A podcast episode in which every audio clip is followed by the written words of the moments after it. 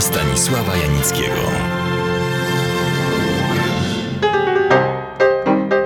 Znana była z wielu powodów. Zaraz powiem jakich. Ale wszyscy kinomani pamiętają ją przede wszystkim z jednej roli, a szczególnie z jednej sceny w jednym konkretnym filmie. I to należącym do ścisłej czołówki najlepszych, ba, najwybitniejszych filmów świata. Tym filmem jest Słodkie życie Federico Felliniego. Tą sceną ta, która rozgrywa się w fontannie Trevi, a tą aktorką Anita Ekberg. Jeśli określenie posągowo piękna nie jest zbyt banalne, to się nim posłużę. Dodałbym jeszcze, że była, przepraszam, kwintesencją, niedoścignionym wzorem konkretnej i ponadczasowej zmysłowości. Celowo nie używam słowa seks, najbardziej seksowną czy symbolem seksu. Jako człowiek starszej daty rozróżniam seks i zmysłowość. Rzecz jasna nie będę tego tematu rozwijał, bo w Odeonie nie zajmuję się egzegezą takich czy innych pojęć, słów, określeń, a raczej opowiadam o ciekawych ludziach i ciekawych filmach, dramatycznych i zabawnych zdarzeniach zamierzchłej epoki dziesiątej muzy. A Anita Ekberg jest osobą nie tylko zmysłowo piękną, ale również interesującą, zaś jej życie było urozmaicone i barwne. Słuchacie Odeonu Stanisława Janickiego w RMF Classic. Urodziła się na południu Szwecji w Malmö 29 września 1931 roku. Ma więc teraz 82 lata. Miała siedmioro rodzeństwa. Jako nastolatka w roku 1950 została wybrana Miss Szwecji. Tak na marginesie, to matka ją do podjęcia tego wyzwania skłoniła. No i wiedziała, co czyni. Anita wzięła również udział w wyborach Miss Uniwersum, które odbywały się w Stanach Zjednoczonych. Wprawdzie nie została wybrana, ale zainteresowali się nią amerykańscy filmowcy. Ponieważ była jedną z sześciu finalistek, otrzymała, taki panował wówczas zwyczaj, kontrakt od wytwórni Universal. Oczywiście z kategorią gwiazdka, więc grała trzecio- i czwartorzędne rulki, a wieczorami występowała w klubach nocnych. W Hollywood zażądano od Anity Ekberg zmiany nosa, uzębienia i nazwiska. Na to ostatnie argument, że jej nazwisko jest trudne do wymówienia przez Amerykanów, zareagowała gwałtownie i jednoznacznie. Oświadczyła, że jeśli zostanie sławna, to i Amerykanie nauczą się prawidłowo je wymawiać. A jeśli nie będzie sławna, to nie ma to żadnego znaczenia. Co ważniejsze, pobierała nauki gry, dykcji, jazdy konnej i szermierki.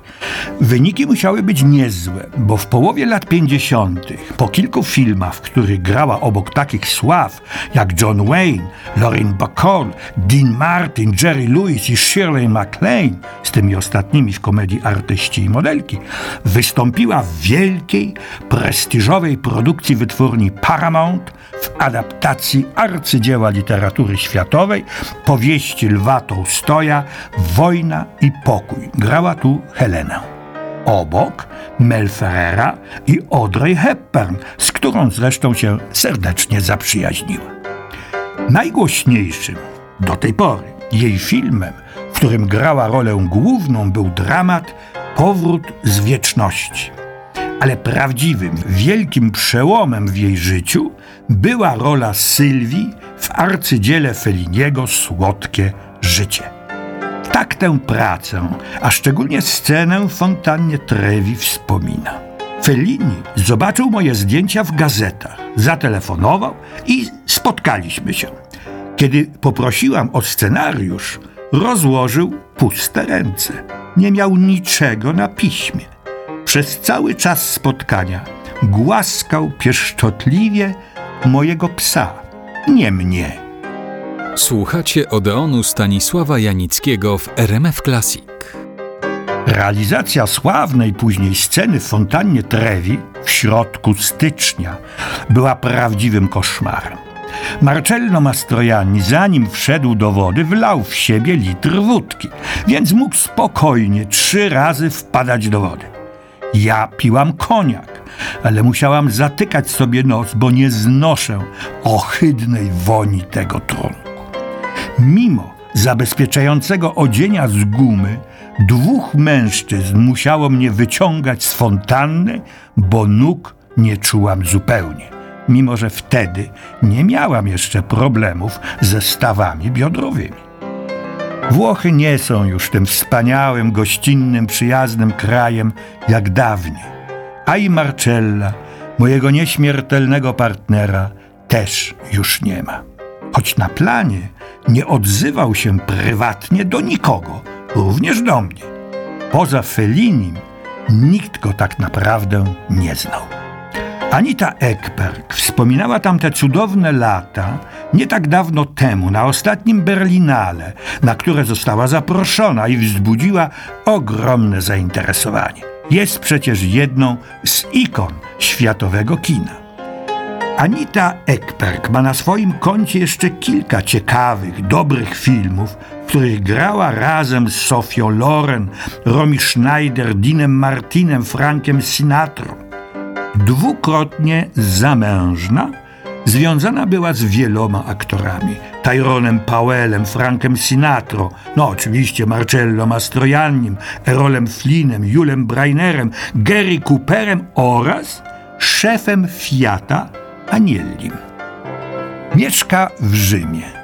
Niedawno, podczas kilkumiesięcznego pobytu w szpitalu, jej willa została okradziona i spłonęła.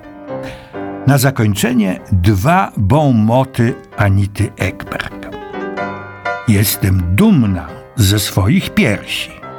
Każda kobieta powinna być. To nie otyłość, to kobiecość. I drugi. Jestem teraz o wiele tęższa niż dawniej. To nie nadmierna tusza, to dowód, że się rozwijam.